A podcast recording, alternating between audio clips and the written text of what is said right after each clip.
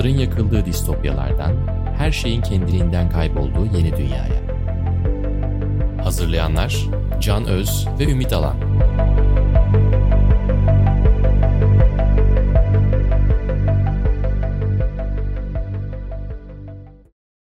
Merhaba, Wiser'ın sunduğu Yeni Medya 451'in yeni bölümüne hoş geldiniz. Ben Can Öz, karşımda Ümit Alan. Bugün merkeziyetsiz internet mümkün mü konusunu konuşacağız. Ümit bu konuyu konuşmadan önce konuyu hazırlanırken internetten bir takım makaleler taradım ve ilgimi çok çeken makaleyi okumak için Ekonomist dergisine dijital üyelik almam gerekti. 40 euroydu indirimli fiyatı. Abi ne oldu euro hakikaten yani bu, buna şeyden geliyorum. En son bir kullanıcımız da bize bir mesaj göndermiş. 6. bölümde euronun fiyatından den vurmuşsunuz şimdi ne habersiniz diye. Onlar iyi günlerimizmiş. Gerçekten Hatta şu anda öyle. da zaten euro için bir fiyat bir miktar telaffuz etmeyelim. Biz yayına girene kadar çoktan değişmiş olabilir. Tabii. Ve bir anda bölümümüz eskimiş bir bölüm haline gelebilir. O yüzden euro sürekli artıyor. Evet. Ve durdurulamaz bir şekilde artıyor. Benim de birçok aboneliğim var. Bu yayınları yapmak ve köşe yazısı yazmak ve daha donanımlı kalmak için. Düşünüyorum sürekli yani. Geçenlerde Twitter'da da yazdım. İnanılmaz. Türkiye'de artık kendine yatırım yapmak da çok büyük bir lüks haline gelmeye Çok büyük başladı. bir lüks haline geldi bak. Evet. Sadece bir makale oku- okumak için gitti 600 kağıt küt. Of. Acayip masraflar yani bunlar. Bizim şu an programı çektiğimiz dakikalarda 1 dolar 13.65 TL ediyor. Artık bu programı hangi gün hangi tarihte dinliyorsanız umuyorum bize oradan mutlu bir şekilde el sallıyorsunuzdur. O zaman girelim. Merkeziyetsiz internet mümkün mü? Bu konuya niye girdiğimizi sana bırakayım öyleyse ben. Merkeziyetsiz internet mümkün mü konusunu son dönemlerdeki tartışmalar üzerine seçtik aslında. Çünkü artık internet kripto paralardan ötürü özellikle blok zincir teknolojisinden ötürü merkeziyetsizlik çok konuşulmaya başladı. Ama tabii internet üzerinden konuşulmaya başladı. Ama biz bence önce merkeziyetsiz internet konusuna girmeden önce merkeziyetsizlik kavramı üzerine biraz konuşalım istersen. tabii. Yani merkeziyetsizlik nereden geliyor? Bunun tarihi ne? Biz Osmanlı tarihi okurken bir ademi merkeziyetçilik duyuyorduk. Ama bence daha öncesi vardır. Sen ne diyorsun bu konuda? Kesinlikle var. Burada tabii ademi merkeziyetçilik sözünü sürekli duyuyoruz. Ben önce bir sözcüğün anlamını bir karıştırdım. Çünkü Evet. ademi merkeziyetçilikten iyi bir hikaye çıkabilir gibi geldi. En nihayetinde Adem çift anlama geliyor. Yani İslam sonrası Arapçada ayrı. Tabii İslam öncesi Arapçada ayrı. Ama nihayetinde Adem ilk insan, insanın atası anlamına gelen bir sözcük. Ademi merkeziyetçilikte hani insanı merkeze koyan bir şey. Belki buradan bir işte Arapçadan veya Türkçeden gelen bir demokrasi hikayesi çıkarabilir miyiz falan diye ararken çok farklı bir anlam buldum. Adem sözcüğü Arapça Adem'den değil adımdan, adamdan geliyor. Adamın anlamına baktığımda bulduğum karşılık inanılmaz bir kar- karşılıktı. Hiç beklemiyordum yani. Yokluk demek, yoksunluk demek. Adamın karşılığı Arapça adım diye yazılan yani O doğru telaffuz etmiyorum. Merkeziyet yoksunluğu oluyor. Merkeziyet yoksunluğu demek. Ademi Evet. merkeziyetçilik. Biz onu Ademiye çevirerek bir şekilde Adem sözcüğüne benzetmişiz ve biraz kafa karıştırıcı olabiliyor. Dolayısıyla Ademi merkeziyetçilik aslında merkeziyetçilik yoksunluğu demek. Evet. Şimdi bu tabii ilginç bir sözcük ama önce bir bunun gerçek anlamına bir gelelim. Merkeziyetçilik organizasyon sistemleri ve otorite sistemleri üzerinden anlatılan bir tanım ise tabii bunu Anglo-Saksonlardan daha iyi bilen kimse olamaz diye düşünüp İngilizce sözcük tanımlarına baktım ve Merriam-Webster'ın tanımına göre ademi merkeziyetçilik tam tanımı bir kuruluşun faaliyetlerinin özellikle planlama ve karar verme ile ilgili olanların merkezi yetkili bir konum veya gruptan dağıtıldığı veya devrildiği süreçtir. Yani aslında delege etmek yetkinin ve gücün dağıtılması ve delege edilmesi demek. Bildiğimiz tam anlamıyla tarihte de böyle. Ama bu tabii insanlık tarihinde internete gelmeden hayatımızın içinde olmuş bir konu. Yani çok eskiden de bunun kanıtlarını bulabilirsin. Yani antik Yunan'da da bir takım örnekler bulabilirsin. Yetkinin ve gücün merkezden dağıtıldığına dair işte senatosundan bir takım yerlere kadar özellikle imparatorluktan önce Yunan kültüründe ve Roma İmparatorluğu'nda tabii. Ama yakınlaşmaya başladığımız zaman bugünlere mesela şey çok güzel bir örnek. 15 Eylül 1215'te İngiltere'de hepimizin bildiği Kral John'un ilan ettiği Magna Carta Libertatum. Bu arada bu hep iyi bir örnek olarak verilir işte herife bak ne güzel yetkilerini halka devretmiş falan. Tabii herif yetkilerini isteyerek halka devretmiyor. Yani biz de bugün Türkiye'de yaşıyoruz. Kimse isteyerek yetkilerini kolay kolay devretmiyor. Bu sürekli birilerinden para istediği için ne kadar tanıdık değil mi? Zorunda kalmış. İvan sürekli gönderiyor. sürekli İvan para gönderiyor. evet İvan gönderir. Sürekli birilerinden para istediği için Kral John e, bir takım baronlar ve asiller artık herifin hayatının tehlikeye girebileceğini öne sürerek adamı bir takım belgeler imzalamaya zorluyorlar ve bu belgelerle aslında bazı yetkilerini halka devrederken kendisini de belli uzlaştığı yasalara uymaya zorunlu kılan bir sözleşme imzalıyor. Tabii çok sembol bir hikaye bu ama merkeziyetçiliği daha yakın tarihe doğru baktığımızda daha iyi anlayabiliriz. Özellikle büyük imparatorlukları incelediğimizde çok iyi görürüz. Büyük imparatorluklarda her ne kadar bir imparator da olsa yani daha merkezi bir otorite sistemi olamaz herhalde dünyada. Hı-hı. Her şeyin kontrolüne sahipsin. Ama bu imparatorlukların coğrafi alanı büyüdükçe tabii merkezden yönetmek zor olmaya başlıyor. Çünkü iletişim çok zor. Yani işte kuş gönderiyorsun en fazla bir yere kadar o da giderse. Dolayısıyla e, toprakları genişleyen imparatorlukların uzaklardaki yerlerde, vilayetlerde aslında merkezden bağımsız yetkiler ve otoriteler teslim ettiğini görebiliyoruz. Bunu Osmanlı İmparatorluğu'nda çok örneği var. Başarı sırrı olarak gösteriliyor Osmanlı İmparatorluğu. Başarı sırrı olarak gösteriliyor. Hep anlatılır zaten. Yani vilayetlerin, valilerin yetkileri ve buralarda bir takım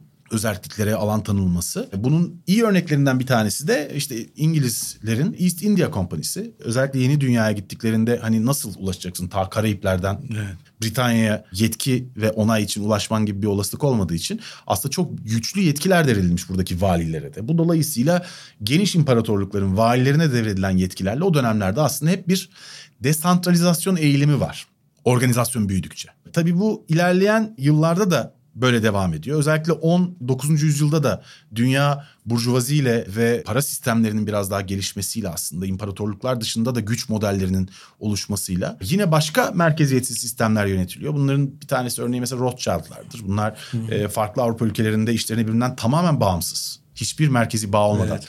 Yürütmüş,ler İşte aynı zamanda işte bugün JP Morgan'a dönüşmüş olan bildiğimiz aslında dönemin en büyük banka ailesi Morgan ailesi de işte Londra'da veya New York'taki bankaları birbirlerinden tamamen bağımsız karar alma süreçleriyle yönetiyorlar. Yani dünya hep bir şekilde bir merkeziyetten uzaklaşacak yöntemlere varmış.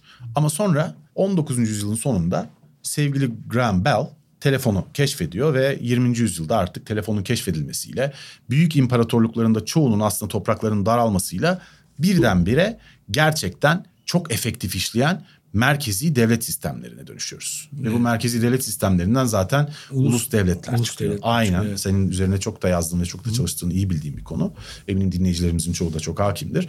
Ve bu ulus devletler üzerinden aslında 20. yüzyılın ilk yarısı biz hep iyice merkezileşen ve belki de daha otoriter sistemler üzerinden yönetilen bir dünyaya tanıklık ediyoruz. Ardından evet. İkinci Dünya Savaşı sonrası dünya için ilginç bir dönem. Çünkü bu, bundan sonra aslında bir soğuk savaş dönemine giriyoruz. Bunu artık uzun uzun anlatmaya gerek yok ama çok daha sivil hareketlerin önde olduğu bir dönem. Farklı azınlıkların, kadınların, işte eşcinsellerin, siyahilerin, toplumda baskı yiyen grupların haklarını talep ettikleri bir döneme giriyoruz 20. yüzyılın hmm. ikinci yarısından itibaren ve aslında bununla beraber devlet sistemlerinin coğrafi alan üzerindeki hakimiyetinden sonra topluluklar üzerindeki hakimiyeti de demokratikleşmeye ve desantralize olmaya başlıyor. İşte bakanlıkların yetkileri merkezi iktidardan almaya başlaması, bir takım e, hakların referandumla veya yasalarla halka devredilmesi, halkın haklarının işte polise, otoriteye karşı artması gibi süreçlerle beraber bir yetki desantralizasyonu yaşadığımız bir döneme geliyoruz. Ama işte bu hikayeye baktığın zaman dünya işte kendince hep merkezi ararken merkezden kaçmış şu görüyorsun. Yani evet. imparatorluklar da hep merkezi zorlarken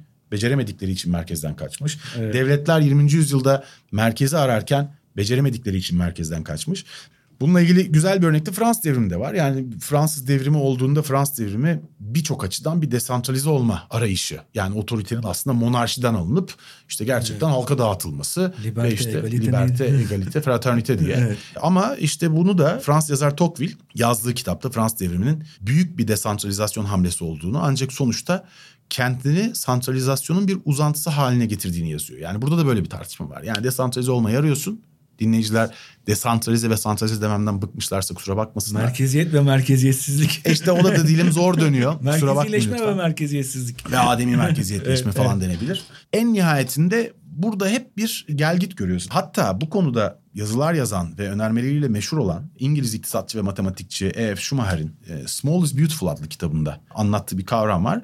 Dünyadaki büyük organizasyonlar için aslında bu kavramların merkeziyetçi ve ademi merkeziyetçi veyahut da santralize ve desantralize kavramlarının aslında birbirini dışlamadıkları bunun bir sarkaç gibi bir o yöne bir bu yöne sürekli olarak gidip gelmeye muhtaç olduğunu anlatıyor. Şimdi bu dünya tarihine baktığın zaman hep böyle bir bir oraya bir buraya gittiğini görüyoruz. Kusura bakmasın Hı-hı. dinleyiciler yine uzattım ama buradan yola çıkarak sözü sana devredip bir soru sormak istiyorum. Şimdi internette de internetin başlangıcı sanıyorum biraz merkeziyetin dışına çıkma arayışıyken. Evet birdenbire kendi merkezileşmiş buldu ve şimdi yine tekrar merkezin dışına çıkmaya arıyoruz. Yani bu evet. internette durum nedir ve bu mümkün mü gerçekten? Ya internette zaten internetin icadı yani internet dediğimiz teknolojinin gelişi merkezileşmeye karşı bir hamle. Yani çok merkezileştik. Bizim bir tane tek bir veri noktamıza bir nükleer saldırı olursa biz ne yapacağız?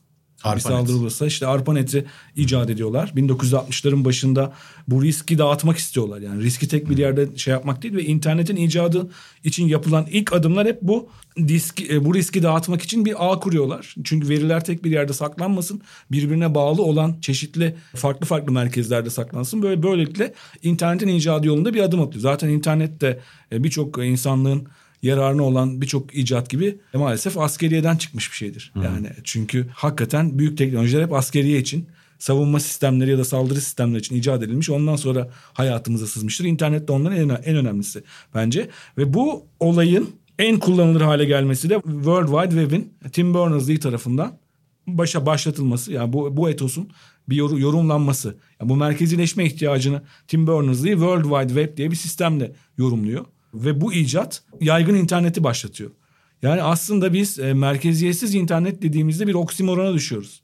Çünkü internet zaten merkezileşmenin karşıtı olarak icat edilmiş bir Biz bu teknoloji. programda Bu santralize çok- desantralize çok şey. merkezileşme merkeziyetsizleşme demeye çalışmaktan e, telef Evet. olacağız onu da söyleyeyim. E sonra e, işte e, web bir ademi merkeziyetçilik ihtiyacıyla icat oluyor. Ve fakat sonra şöyle bir tıkanma noktası yaşanıyor. İnternetin yaygınlaşması için basitleşmesi lazım. İnsanlar kendi web sayfalarını, bloklarını oluşturmak için saatlerce kod yazamaz. Yani böyle yazarsa çok uzmanlar arasında kalır bu. Ve o sadece Web 1.0 olarak kalır. Yani bizim Web 1.0 dediğimiz bir dönem var. E, Web 1.0 dediğimiz dönem interneti sadece okuduğumuz dönem. Yani biz yaş itibariyle ikimiz de o dönemi şahit olduk. Sadece okuyorduk bir zamanlar. Evet kliklemeyi bile bilmiyordum daha ilk çıktığında. Hiçbir şey yazmıyorduk okuyorduk altında bir yorum bir şeyi bile yoktu. İşte sonra altlarına o makalelerin yorum kısımları geldi. İnsanların da artık bir bir şeyler üretmeye başlaması gerekti. Bu arada Ve o zaman demişken, 1-0 e, bitti. Çok affedersin. Bunu demişken sponsorumuz Wiser'ın artık platformunda podcast'imizin altına insanların yorum da bırakabileceklerini böyle bir geliştirme yaptıklarını Evet. Wiser'da artık yorum da yapılabilecek kür- kürasyonların altına hatta arkadaşlarımızı mentionlayarak bak burada seni ilgilendiren bir şey var deme imkanımız da olacak. Evet arkadaşlarını da taglayabiliyorsun. Wiser'la ilgili bu haberi vereceğiz. Verelim ki bu bölümün de bütün içeriğini. Bu bölümde hakikaten çok makale var. Bu bölüme hazırlanmaya daha fazla vaktimiz olduğu için ben biraz abarttım şeyi. o kürasyonu umarım sıkıcı olmaz. Derlemeye çalışacağım yine azaltmaya çalışacağım şeyini. Ben Oradan de az önceki bilgileri derlemeye çalışırken topladığım makalelerden bir tanesi 1983 yılında Dünya Bankası tarafından yazılmış. Gelişmiş, gelişmekte ve geri kalmış devletlerin her biri için ayrı ayrı yazılan desantralizasyonun önemi ve rolü üzerine yazılmış 60 sayfalık bir makale. Onu da okumak isteyen dinleyicilerimiz varsa bu kadar deliyseler onu da orada paylaşacağım. kesin. Peki senin senin linkini onun linkini koyduğumuz zaman herkes 40 euro vermek zorunda kalacak mı? ya ben vermem. 40 euro. Yok hayır. Ama seninkinden bu bakarım ya. ekonomistten değil abi. Bu direkt e, şeyden Google Docs üzerinde bir doküman PDF Eyvallah. dosyası. İşte bu merkeziyetsizleşme böyle başlıyor. Yani nükleer savaş bugün 1960'lı yıllarda olduğundan daha az bir tehdit. O zamanlar 1960'lar ciddi bir nükleer korkusu var. Yani şu nükleer savaş, soğuk savaşın şey yılları. O yüzden de bu soğuk savaşta bu nükleer bir saldırı olursa bizim tek tek merkezlerimize diye bunu icat etmişler ve sonra internet merkeziyetsiz bir sistem olarak kurulmuş. Zaten World Wide Web dediğimiz bir ağdır. Yani ben sana bağlanıyorum, sen bir başkasına bağlanıyorsun. Herkes birbirine bağlanıyor ve merkeziyetsiz Böylece bir haber ağ. değeri olan bir üçgen Evet. biçimde bir haber yapacağız diyorsun. Evet. Şaka Ben sana takacağım. Cem sana, Bravo. Cem bana takacak. böyle bir herkes birbirine taktıktan sonra internet işte böyle bir şey. Ortada sunucular var ama tek bir sunucu değil şu anki gibi. Yani sadece bir Facebook sunucusu ya da sadece bir Google sunucusu değil. Farklı farklı sunucularla internet böylece icat olmuş. Ama sonra o dediğim zorluklar işte insanların kod yazmaya için yeterince uzman olmaması interneti merkeziyetleştirmeye, merkezileşmeye götürmüş. Ne demek abi merkezileşme? İnternetin merkezileşmesiyle kastımız nedir? Pratik örnekler üzerinden. Tek bir A şunla karşılaştırabilirim. E-mail internette ilk kullandığımız şeylerden biri. E-mail e, internetin en ademi merkeziyetçi uygulamalarından biri. Yani blok zinciri de yokken en merkeziyetsiz uygulamalardan. Çünkü ben ben Hotmail kullanıyorsam, sen Yahoo kullanıyorsan, bir başkası Gmail kullanıyorsa hepsi birbirinin arasında haberleşiyor ve tek bir sunucuyu kullanmıyorlar. Hepsi birbiriyle haberleşiyor şeyde. Evet, Ee, relay bu- serverlar denen bir sürü aktarma serverı var. Evet bu işte bir ademi merkeziyetçi uygulama aslında. E-mail bu sistemle çalışıyor. Ama Facebook nasıl çalışıyor? Facebook ya da Twitter ya da Instagram sadece kendi içerisinde. Facebook, Instagram'da yazdığım bir mesajı Twitter'da göremiyorum. Facebook'ta yazdığım bir mesajı e, başka bir yerde, başka bir e, platformda göremiyorum. Çünkü kapalı bir sistem ve o, o işte merkeziyet. O merkeziyet olduğu zaman da orada inanılmaz bir veri birikiyor. Öyle bir veri birikiyor o veri gözetim kapitali, gözetleme kapitalizmini yaratıyor. Bunun da bunu da şimdi söylemek istiyorum. Gözetim kapitalizmi diyen var. Gözetleme kapitalizmi diyen var. Sence hangisi daha doğru? Bence gözetleme çevirisi daha doğru. Yani gözetim sanki böyle korumak, kollamak gibi bir, Anladım, bir olumlu bir anlamı da var ama niye zamanında gözetim diye çevirmişler hiç anlamıyorum. Doğru, Gözetleme kapitalizmi daha doğru. Çünkü beni gözetliyor. Benim bütün hareketimi gözetliyor.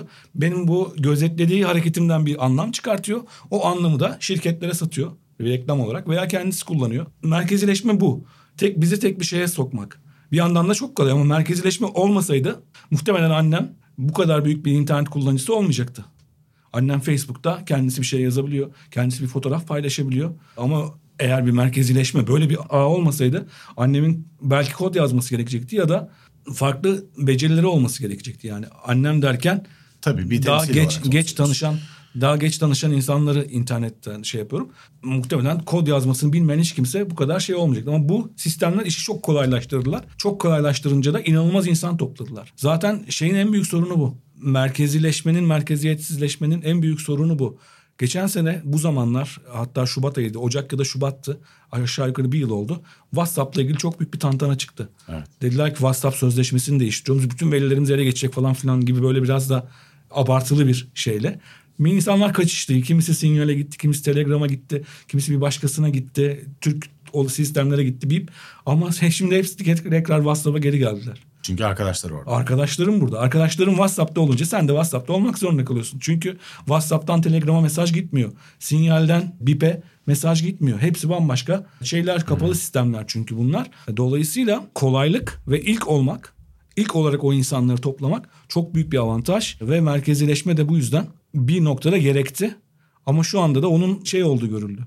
Ciddi bir risk olduğu görüldü. Hem veriler bir yerde hem de şey. Peki şimdi biz bir diğer yandan da bununla beraber işte hep birkaç programdır da konuşuyoruz. İşte dünya internet, internetin tamamı aktif olarak kullanılan kısmı diyelim en azından. İşte birkaç tane ülkenin ve hakikaten bir elin parmaklarını en fazla iki elin parmaklarını geçmeyecek kadar şirketin büyük kısmı kontrolü altında. Çok az sayıda insan ve çok az sayıda ülke bütün bilgiyi, bütün bilgi akışını kontrol edebiliyorlar ve olağanüstü bir otorite ve güce sahipler ve bu merkezileşmiş internet işte.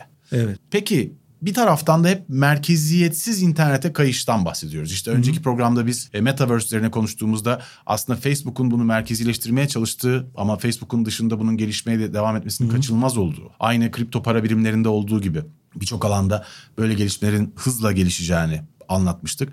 Ve dolayısıyla internette hep bu var. Yani bir takım firmalar, bir takım baronlar, bir takım internet patronları dünyayı yönetiyorlar. Biz artık kendi internetimizi istiyoruz. Kendi para birimimizi istiyoruz. Kendi Evet. sosyal medyamızı istiyoruz. Bunların kontrolünden çıkmak istiyoruz. Havası, enerjisi farklı farklı şekillerde ifade edilse de dünyanın her tarafında var. Peki bu mümkün mü abi? Yani gerçekten pratikte işte dediğin sebeplerden dolayı kullanım kolaylıklarının arayışından, ihtiyacından dolayı internetin gerçekten yaygın olarak merkeziyetten uzaklaştığı bir gelecek mümkün mü? Yoksa bunlar hücresel girişimler olarak kalacak mı sence? Aynı geçen hafta bir, bir önceki bölümdeki konuya geliyor olay. Orada da mesela gözlüklerin kullanımına, VR ve AR gözlüklerin kullanımını bununla şey yapmıştık.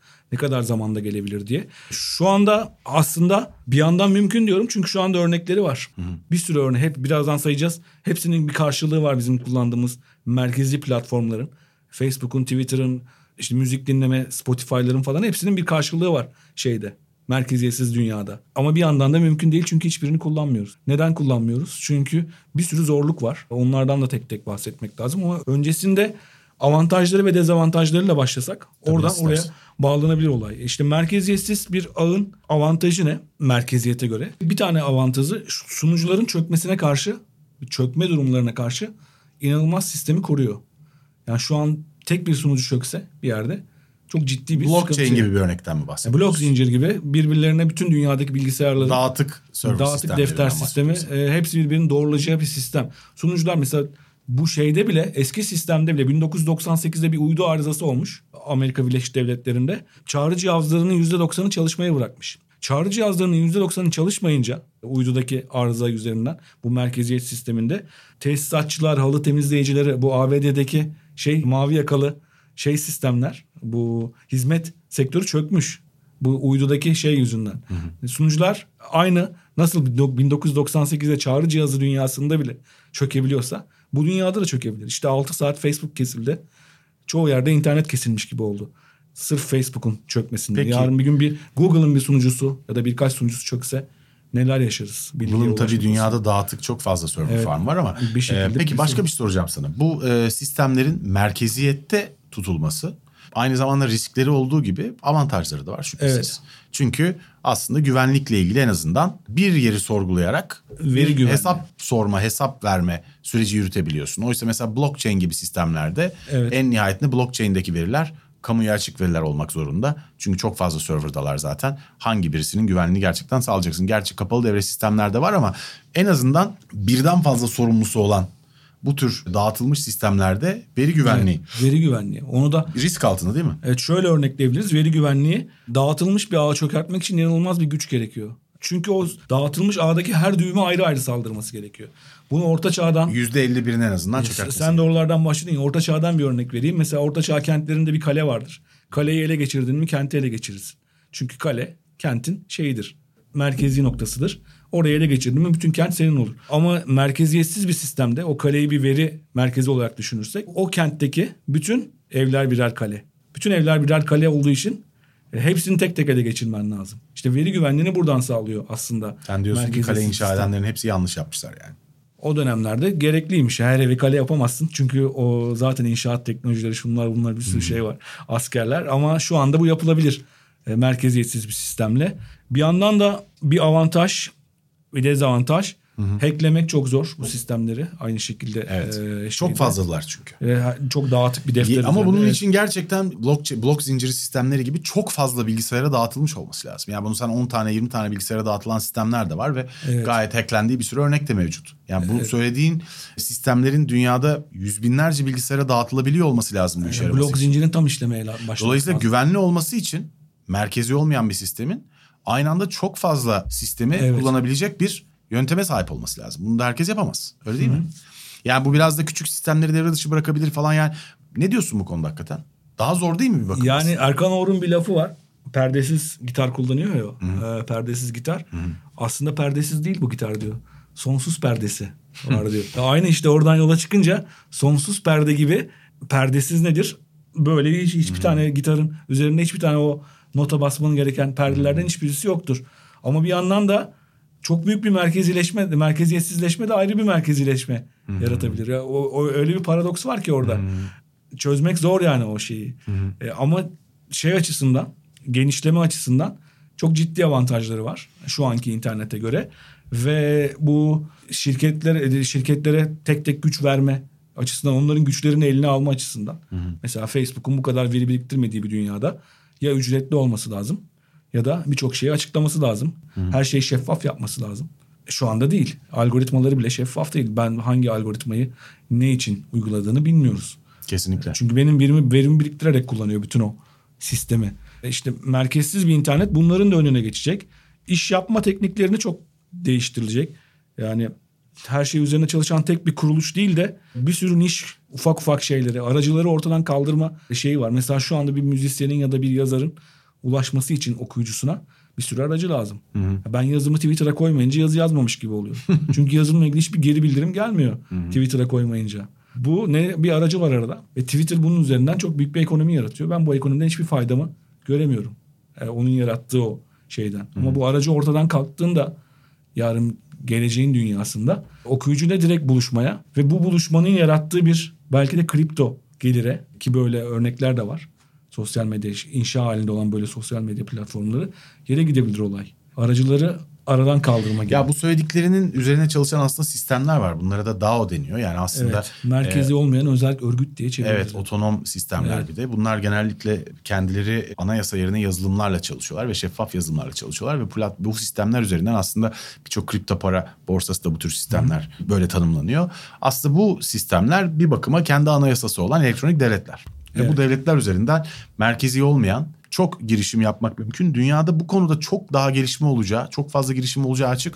Yani söylediğin yolda gider mi bilmiyorum ama şeyi çok merak ediyorum gerçekten. Yani dünyada bu merkezi internet alışkanlığından çıkmak için şu an bir nasıl söylenir? Bir internetin 68 kuşağı mı dersin bunu artık? Hı hı. Veya yeni bir akım mı dersin? Ama gittikçe güçlenen ve dünyayı etkileyen bir akım, bir akış var. Kesinlikle. Evet. Ve bunun nereye gidebileceğini işte anlattıkların bağışla bir kısmı mantıklı geldi bir kısmı gerçekçi gelmedi ama bunlar tabii bugün finansla başladı bütün hepsi. Evet ama bunlar tabii bugün baktığımız yerden ne kadar gerçekçi geldiğini çok evet. önemi yok. Bir akımla karşı karşıyayız. Çok güçlü bir akımla karşı karşıyayız. Çok güçlü bir arayışla karşı karşıyayız. Aynı zamanda bu akım da her geçen gün bu işte büyük şirketlerin yedikleri naneleri öğrendikçe e, evet. dünyanın bu konudaki paranoyasının artmasıyla pekişiyor.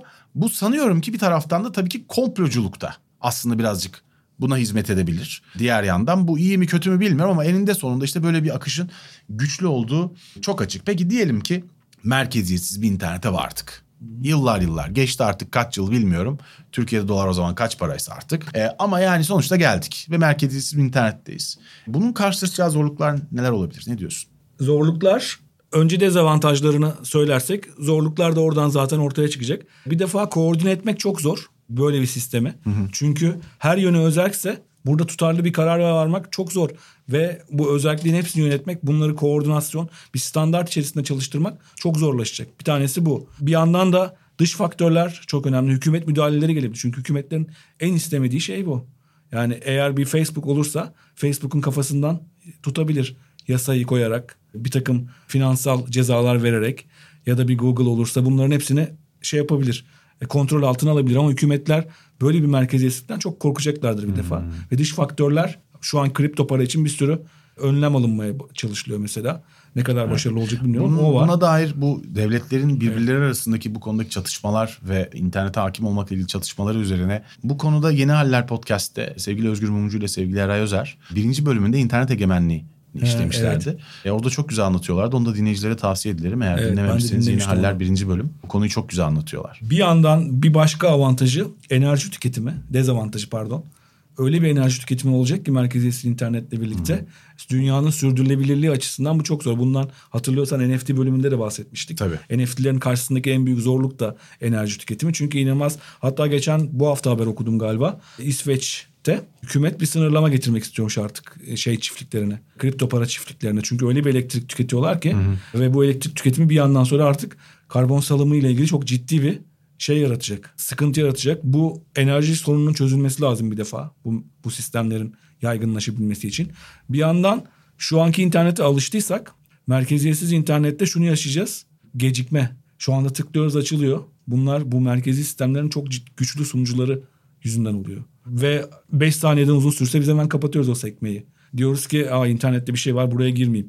İşte ama bu kadar yüksek güçlü sunucular ölçek ekonomisiyle olan şeyler. Bu, bu çok büyük ekonomik güce sahip olduğu için bu Facebook, Google, merkezi sistemler, Twitter gibi ya da Instagram gibi bunlar çok ciddi sunucular kullanıyorlar. Eğer merkeziyetsiz sunucular, merkeziyetsiz internete geçersek gecikme sorunları yaşanacak şu anki teknolojiyle. İşte bu yüzden de burada yatırımlar yapılması. Silikon Vadisi'nde şu an kurgusal sıkıştırma diye bir teknoloji üzerine çalışılıyor. Bunun gelişmesi lazım. Merkeziyetsiz internetin zorluklarından biri bu. Dezavantajı aynı zamanda. Bir de şu var kullanıcılar ekstra sorumluluk istemiyor. Çünkü kullanıcılar şu anda kafaları çok rahat giriyorlar merkezi bir sisteme. E, verilerinin güvenliğini falan çok düşünmüyorlar. Verilerini taşınmayı düşünmüyorlar ve bu sorumluluğu üzerlerine alacaklar merkeziyetsiz internette. Hı hı. Yani birazdan Solid'de bahsedeceğiz. Podlar satın alacaklar. Podlara kira ya da kira alacaklar. O podlardan birbirlerinin verilerini taşıyacaklar oradan oraya. Veriler hep burada olacak. Bu bunu istemiyor insanlar. Bu zorluğu istemiyorlar. Bu da şey yapıyor. Zorluk olarak söyleyeceğim e, kitlenin toplanması biraz önce söyledik işte o kitle nasıl toplanacak? Bu şey gibi harika bir fikir merkezi olmayı internet ama herkes geldiği zaman harika bir fikir. Herkes burada olmadığı zaman hiçbir anlamı yok. Bir sürü örneği var merkeziyetsiz internetin. Hiçbirimiz gitmiyoruz. Kolaylık her zaman kazanıyor. Çok kolay olmayacak. İnsanların daha iyi eğitim alması gerekecek böyle bir sistemde. Ya da bunları basitleştirmek, kolaylaştırmak gerekecek. Şu an o noktada değiliz. Aynı gözlük olayında olduğu gibi gözlüklerde de o noktada değiliz. Kocaman kocaman AR gözlükler, VR gözlükler, Metaverse o yüzden şu an gecikme halinde ya. Gözlüğün teknolojisi bekliyoruz. Burada da aslında bu bunu kolaylaştırmanın şey yapılması, yaygınlaşması gerekiyor. Kolaylaştırmak için de merkezleştirmek evet. mi gerekecek? Bir yandan da şu var. Şu anda dünyanın her yerinde biz sosyal medya düzenlemelerini konuşuyoruz. Hı hı. Devletler hukuk, da uluslararası bir hukuk sistemi olsun ve sosyal medyayı düzenlesin diye merkeziyetsiz bir sistemi düzenlemek e, ilk bakışta daha mantıklı gelse de e, merkezi bir sistemi düzenlemekten çok daha zor. E işte torrent download'un önüne geçemiyor kimse mesela. İşte bir yandan merkeziyetsiz download sistemi işte o keşfedildiğinden üretildiğinden beri Evet, e, bütün engellenemiyor korsan, korsan şey. Yani biliyorsun LimeWire ve Napster da aslında bunun üzerine dağıtık dosya indirme üzerine kuruluydu ama merkeziydi, bir Hı. firmaydı ve o firmaları kapattılar. Daha sonra torrent çıktı. Torrent'in bir sahibi sistem. yok. İnternetten herhangi bir yerden torrent'in dosyasını indiriyorsun ve o dosya üzerinden dağıtık bilgisayarlar üzerinden istediğin şeyi indirebiliyorsun ve torrent sisteminin önüne hiç kimse geçemiyor şu an. Evet işte mesela öyle bir sosyal medyayı düşündüğün zaman e, tek avantajı şu veri birikimi olmadığı için algoritma kullanılamayacak. Yani şu anda Facebook bir algoritma kullanması için benim verimi biriktirmiş olması gerekiyor. O da merkezi bir sistem gerektiriyor.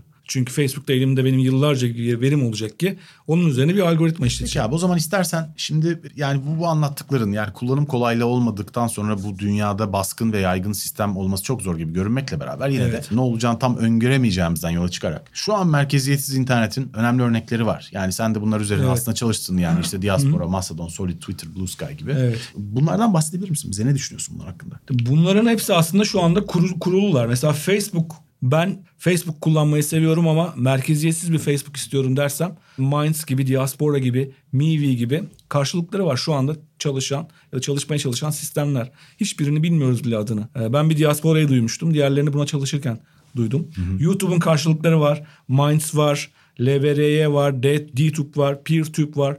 Bunlar hepsi şeyler. YouTube karşılıkları ama giriyorsun saçma sapan videolar. Çünkü hiç kimse video yüklememiş garip garip şeyler var. Göremiyorum. Reddit'in karşılığı Ether var. Twitter'ın karşılığı Mastodon var. Mastodon girdim mesela.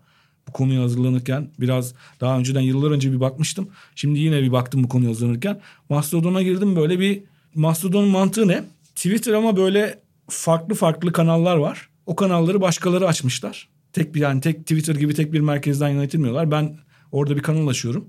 Onun üzerine kendi Twitter'ımı inşa ediyorum ve insanlar geliyorlar. E, bunlara girdim baktım. Hatta Mastodon'a üye olmaya çalıştım tekrar eskisini unuttuğum için. E-mail gelmedi. Ee, o onaylama e-maili bekliyorum. Üç gündür bekliyorum e-maili. O gelmedi olmadı. Merkez kaç etkisi işte hocam. Instagram'ın karşılığı var Karma. İsmini ilk defa duydum. Instagram hmm. Karma. Sen duymuş muydun? Hayır. Ama o merkeziyetsiz bir Instagram şeyse örneği ona da girmedik. WhatsApp'ın karşılığı Sinyal. Sinyali duydum. Sinyal'in hikayesi işte WhatsApp'ın eski sahibi. Sinyal çok meşhur. Eski sahibi bir vakıf olarak orayı kurdu. Çünkü WhatsApp'ın artık bozulduğunu ve insan kötü niyetli bir yer haline geldiğini söyleyerek tepkisel bir şekilde istifa etti WhatsApp'tan. Brian Acton sanırım orada. Brian Acton sonra Sinyal Vakfı'nı kurdu. Şu an hayalindeki WhatsApp'ı inşa etmeye çalışıyor orada. Hepimizin telefonunda kurulu belki de. Benim telefonda var. Ama yılda bir kere falan giriyorum. Çünkü herkes WhatsApp'ta. Bütün arkadaşlarım, şirketimdeki insanlar falan filan. O yüzden o da olmuyor. Bunun aslında en şeyi şu. Diaspora bunların en bilinenlerinden biri. Facebook'ta 2020'de 2.8 milyar kullanıcı vardı. Şu an artmıştır muhakkak. 2.9 şu an galiba. Şu an 2.9. Diaspora'nın ise yarım milyon kullanıcısı var. Bir yanda milyar, 2.9 milyardan bahsediyoruz. Bir yandan da merkeziyetsiz karşılığı yarım milyon. Büyük bir şey olması lazım ki insanlar bir anda buraya buralara akın etsinler. Gerçekten bir ihtiyacın ortaya çıkması bir lazım. Ihtiyaç, Aslında evet. sinyale yönelimin olduğu dönem WhatsApp'in yarattığı Hı. güvensizlik evet. te- tetiklemişti bunu. Tabii ki daha kim bilir ne güvensizlikler olacak ne krizler olacak bilmiyoruz. Yani şu an Büyük bu sistemlerin lazım. Evet bir de şu an bu kriz, bu sistemlerin başarısız olması veyahut da belki de kötü tasarlanmış olması bundan sonra hep böyle tasarlanacaklar anlamına evet. gelmiyor. Düzelebilir. Ee, bu insanların yaratıcılıklarıyla ve zekalarıyla sınırlı bir sonsuzluk vaat eden bir dünya. Hı hı. Ee, ama en azından şimdilik baktığımızda özellikle kripto paralar ve oyun dünyası için yapılan bir takım girişimler dışında çok parlak evet. görünmüyor yapılan girişimler. Evet. Ee, ama burada Solid'in biraz ayrıldığını söyleyebiliriz değil mi? Evet Solid aslında şunu da gösteriyor. Social Link Data. Solid Hı-hı. bir yandan İngilizce, Türkçe karşılığı sağlam güvenilir demek. Sözcük olarak baktığımızda bir anlama geliyor. Hı-hı. Ayırdığımız zaman social link data dediğimiz zaman yine bir anlama geliyor. Güzel bir isim bulmuşlar. Sen bir reklamcı olarak Evet reklamcıları harikaymış. Yani kendisi mi buldu bilmiyorum Tim Berners-Lee ama çok güzel isim bulmuşlar. Hı-hı. Bu aynı zamanda bir blok zincir üzerinde çalışmıyor Solid. Solid aslında eski tarzda bir internet. Yani bir blok zincir üzerinde değil. Solid'in özelliği geleneksel internet gibi ama ilk merkeziyeti dağıtmak üzerine odaklanmış. Onda şöyle bir sistem var. Verilerim bende her zaman. Solid bir standart bir sistem. Solid'in üzerinde uygulamalar inşa ediliyor, app'ler. İşte sosyal medya olur, başka bir şey olur. Hı hı. Benim bir pod diye bir şey kiralıyorum. Hı hı. Depolama aracı. Onları bir yerlerden satın alıyorum şeylerden. O pod sağlayıcılar var. Sonra benim verilerim gittiğim her yerde benim podumda benimle birlikte dolaşıyor. Hı hı. Onların şeyinde birikmiyor. O app'in havuzunda birikmiyor. Ve bu podlar sayesinde ben verilerimi her zaman kendi yanımda taşıyorum. İşte pod sağlayıcılara güvenebilir miyiz falan bunlar tartışma konusu ama işte onu da demek ki güvenilerek şekilde inşa edecekler ama bu bir zorluk yaratıyor tabii e, kullanıcılar için. Pod'a gireceksin ya şimdi nasıl anlatacaksın şu anki kullanıcıya? Çok büyük bir şey olması lazım. Ne oldu biz şeyden önce hiç kullanmıyorduk. Konferans programlarını hemen hemen hiç kullanmıyorduk. Çok az kullanıyorduk pandemiden önce. Pandemi gibi büyük bir bela geldi. Bir anda şu anda onların Herkes konferans kullanıyor. Onların kullanılabildiğini ve iyi kullanılabildiğini anlamaya başladık. Mecbur kaldık. Şu anda da buna ihtiyacımız var. Böyle büyük bir dalgaya. Solid'de de işte bunları sağlıyor şey sistem. Sistem hiçbir uygulamanın kendi üzerinde veri biriktirip o veriyle benim üzerimde bir hakimiyet kurmamamı sağlıyor. Ama bu da şunu getirecek bir yandan da. Model bir gelir modeli bir teşvik modeli kurulması gerek bunların üzerinde. Ya şu anda gözetim gözetleme kapitalizmi hala gözetim diyorum bak nasıl o eski çeviri yerleştiyse gözetleme kapitalizmi nasıl bize şey almış ki şu anda bir uygulamaya para vermek olayı Facebook'a para vermek Twitter'a para vermek olayı bizim için bir büyük bir zorluk. Hiç kimse vermek istemez. Peki başka bir şey sormak istiyorum sana. Evet. Bu konuda ne düşünüyorsun? Şimdi biz hep bu aslında hep devletlerin ve büyük şirketlerin hegemonyasından, işte gözetlemesinden, otoritesinden kaçmak ve kendi özgür alanımızı kullanabilmek üzerinden okuyoruz ya merkeziyetsiz internet. Hı hı. Bu aynı zamanda tabii hepimizin mutabık olduğu bir takım suçlar içinde aynı şeyi e, mümkün evet. kılabilir. Yani evet. işte pedofili zincirleri için veyahut da işte çok tehlikeli uyuşturucuların kaçakçılığı evet. için veya hakiki terör faaliyetleri için devletlerin kendilerini e, güçlendirmek için herkese terörist yaftası yapıştırdığı saçma sapan olaylardan bahsetmiyorum. Hakikaten korkunç insanların ölümüne yol açan ciddi terör faaliyetleri için bunların finansmanı için kullanılabilir. Evet. Bu seni korkutmuyor mu? Biraz korkutuyor çünkü internet dediler ki... Kontrol kaçtı mı iki yöne doğru evet, kaçıyor. Iki yön, internet dediler ki ifade özgürlüğü dünya olmadığı kadar demokratik olacak dediler. 90'ların sonunda hepimizin hayali buydu. İnternet acayip bir fikir özgürlüğü getirecekti. İnanılmaz bir demokrasi gelişecekti bunun üzerinden. Sonra bir gördük ki internet aslında hakikat sonrası gibi bir sistemin de en büyük tetikleyicisi oldu ve yalanlar Belki de iyi işleyen demokrasi budur. Demokrasi herkesin fikrinin katılımıysa herkesin ortalamasını aldığında çıkan sonucun bu olmadığını iddia edebilir miyiz? Yani bilmiyorum hakikat. Çünkü hep söylenir demokrasi vasatlaşmanın olma, kaçınılmaz. Ha, hakikat e, olmadan demokrasi diye. bunda da öyle bir risk var. Sistemin kendi kendini denetleme ihtimalinden söz ediliyor. Yani çünkü bütün hepsi birbirine bağlı olduğu için yani bir dağıtık defter sistemi olduğu için sistem kendi kendini denetleyebilir mi diye ölçekleri küçültmek lazım bir yandan da. Ölçeği kaybettiğiniz zaman zaten denetimi kaybediyorsunuz. Şu anda Facebook'un en büyük sorunu bence ölçeği. Google'ın en büyük sorunu ölçeği. Bu kadar büyük ölçeklerde iş yaptığınız zaman şey kontrol kayboluyor. Ben ekşi sözlüğün ilk zamanlarını hatırlıyorum. Yani neredeyse ilk zamanlarında ekşi sözlük kurulduğundan beri okuyorum. Kurulduktan bir süre sonra yazmaya da başladım ekşi sözlükte. Birisi bir şey yanlış yazdığı zaman Hemen doğrulardı arkasından birisi ve Tabii diğeri canım, silmek zorunda kalıyor. Ben 2000'de yazıyordum ek sözlükte daha. Sistem kendini denetliyordu çünkü çok az insan vardı. Paramparça ederlerdi adama ya evet, yanlış yazdığında. Rezil olurdun yanlış tabii, bir şey tabii, ya da tabii. yalan bir şey tabii, yazdığın tabii. zaman. Şu anda öyle bir şey yok çünkü ölçek büyüdü. Tabii. Ölçek büyüyünce şey kaçtı. Evet. Standart kaçtı. Demokratikleşti diyebilir miyiz? Çok fazla de, aşırı demokratikleşti. Fazla demokratikleşme sonu da aslında paradoks. Ya demokrasinin demokratik, sonuçlarını evet. gözümüzde belki zaman zaman fazla mitolojikleştiriyor olabiliriz diye de düşünüyorum evet. ama ya buradan şeye dönmüyor muyuz? Belki de bir bakıma. Yani bu e, aslında E.F. Schumacher'in Small is Beautiful kitabında söylediği gibi. Aslında biz santral, santral ne? Merkezi Hı. Merkeziyetçi bunları doğru düz kullanamıyorum. Dinleyiciler lütfen kusura bakmayın. kafam karışıyor benim de. Kavramlardan kavramlara geçerken ama umuyorum anlıyorsunuz ne demek istediğimi. E, merkeziyetçi ve ademi merkeziyetçi sistemler arasındaki sarkaçta bu sürekli bir o tarafı bir bu tarafa daha doğru hareket etmeye mahkumdur bütün organizasyon sistemleri gibi bir tanımı var. Evet. İnternet içinde bunun geçerli olduğunu düşünebilir miyiz? Her zaman bu şeylere gireceğiz. Yani bu paradoksları belki merkeziyetsiz internet bir süre sonra insanlar içerisinde olmaz bu kadar da merkeziyetsizlik. Her şey çığırından çıktı. Merkeziyete dönelim gibi de bir yere gidebilir. Çok şu anda cennet gibi görüyoruz çoğumuz. Benim bile birçok yazımda merkeziyetsiz interneti savunduğum, merkeziyetsiz sosyal medyayı savunduğum görüşler var. Bir görüş de mesela Twitter'ın şeyinden bahsetmedik. Twitter şu an Blue Sky diye bir merkeziyetsiz bir klonu üzerine çalışıyor. Yani Twitter gibi bir sosyal medya ama merkeziyetsiz çalışacak. Aynı şeyle o blok zincir teknolojisi üzerinde çalışacak diye. Ki Steemit diye bir uygulama var. Hakikaten de blok zincir üzerine çalışıyor. Ama arayüzü falan berbat Steemit'te. Steemit'in en büyük avantajı ne? Retweetler, like'lar yani ödül mekanizması karşılığında kripto para yükleniyor hesabınıza. Hı hı. E, iyi yazarsanız iyi para kazanıyorsunuz. Öyle bir şey var ama yine de o kadar şey ki o kadar ilkel bir aşamasında ki kullanılamıyor. Twitter'da Blue Sky ile giriyor. Başka platformların açıklamaları var. Mesela merkeziyetsiz internet biraz önce saydığım platformlardan Mastodon'un kurucusu falan Twitter'ın Blue Sky projesine şüpheyle yaklaşıyor. Şüphesinin nedeni şu. Bunlar şu anki çok sıkıştılar şeyde. Amerika'da yargı tarafından çok sıkıştırıldılar artık bu şeyi içeriği denetleyemedikleri için içerideki denet içeriği diye. O yüzden bu merkeziyetsizliği de kendi lehlerine kullanacaklar. Neden kendi lehlerine kullanacaklar? Artık ben ben, ben kontrol etmek zorunda değilim. Zaten sistem merkeziyetsiz. Herkes kendi kendini kontrol etsin diye. Çünkü Amerika'da şu an tartışılan e, işte bu iletişim ahlaki yasasındaki 230. madde. Ne o, o nedir? O sosyal medyayı yaratan madde aslında. O da şu avantajı sağlıyor. Birkaç bölümde tekrarlamıştık burada. Bir sosyal medya platformunda yazdıklarımdan ben sorumluyum. Platform tam olarak sorumlu değil. Ama ben gazetede yazı yazdığım zaman bir gün gazetede köşe yazımı yazdığım zaman benim yazdığımdan gazete de sorumlu. E, orada bir bir halt işlersem benimle birlikte gazete de yargılanıyor. Ama sosyal medyayı e, bütün dünyada örnek alınan yasa ABD İletişim Ahlaki Yasası'nın 230. maddesinden geliyor. O da bu sorumluluktan kurtarıyor şirketleri. Şu an ABD'de diyorlar ki artık buna istisna koyalım. Platformlar bu kadar özgür olmasın. Artık Ümit'in yazdığından da Twitter biraz sorumlu olmaya başlasın diyorlar. Evet. Bu noktada sıkıştılar. İşte merkeziyetsiz internet bu noktada onların yardımına yetişme riski de var. Çünkü o zaman diyecek ki artık ben bunu bir merkezden yönetmiyorum. Bak bir kripto sistem var. Blok zincir üzerinde işliyor bu. Herkes kendi yazdığından sorumlu olsun. Çünkü ben bu, bunun merkezi ben değilim deme avantajı bir kaçış çok güzel şeyi de yaratabilir. Çok güzel bir riski de yaratabilir. Yani aslında yasalara karşı insanların kendilerini koruması için yine müthiş bir yöntem olabilir diyoruz. Evet.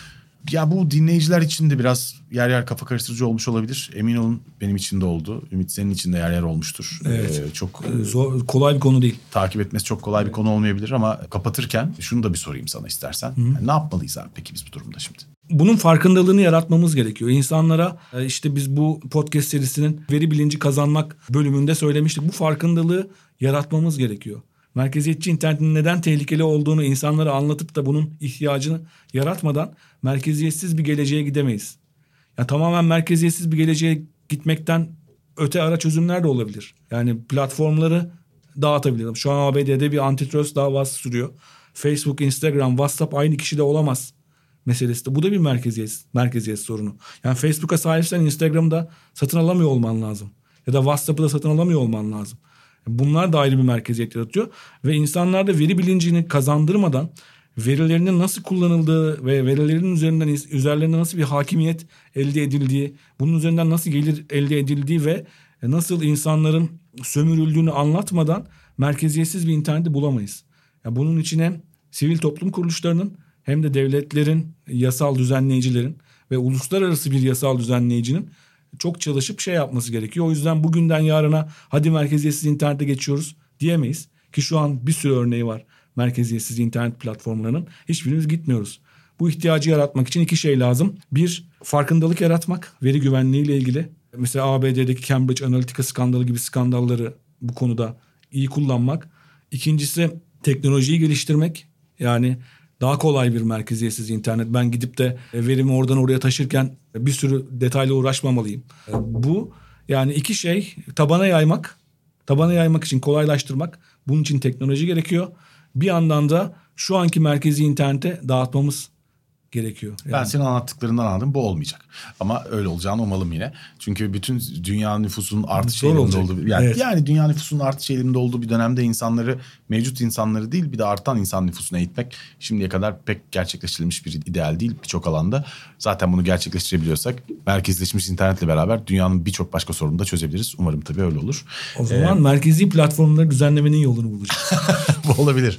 Evet. daha merkezi çözümlerden bahsediyoruz. Evet. Pekala. Ümit son kapatmadan önce söylemek istediğim bir şey daha var mı? Eklemek istediğim bir şey daha var mı? Yine her bölümde olduğu gibi bu bölümde de yararlandığımız kaynakları hem senin hem benim Wiser'da bir kürasyon haline getireceğiz. Oradan takip edebilirsiniz. Bu hafta söylediğimiz gibi yorumlarınızı da yapabilirsiniz artık altına. E, bu kürasyonu beğenmedim yazabilirsiniz mesela. ya da bu kürasyonu beğendim yazabilirsiniz. İkincisi tercihimiz ama birincisini de yazarsanız cevaplamaya çalışırız. Ben de bütün bu hafta boyunca Spotify Wrapped üzerinden bize gönderilen mesajlar için dinleyicilere çok teşekkür ederim. Ümit sen de ben de Evet. hem Twitter'dan hem Instagram'dan Yalnız olmadığımızı hissettik. Yalnız olmadığımızı hissettim. Bir sürü insandan harika mesajlar geldi. Çok yüreklendirici, sevgi dolu mesajlar Evet. geldi. Bu tabii yani bir iş olmaktan tamamen bütün bu konuyu çıkaran, müthiş insana keyif veren anlar. O yüzden biz dinlediğiniz içinden daha da çok bize bunları paylaşma nezaketi gösterdiğiniz için hepinize çok teşekkür ederiz. Çok sağ olun. Teşekkür Ee, Ümit'le de bunları aramızda paylaşıp kendi kendimize heyecanlanıp birbirimizi de gaza getirip doldurduk. Motive olduk. Feci, feci motive olduk gerçekten.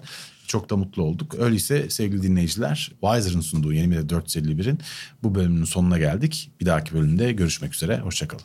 Görüşmek üzere. Hoşçakalın.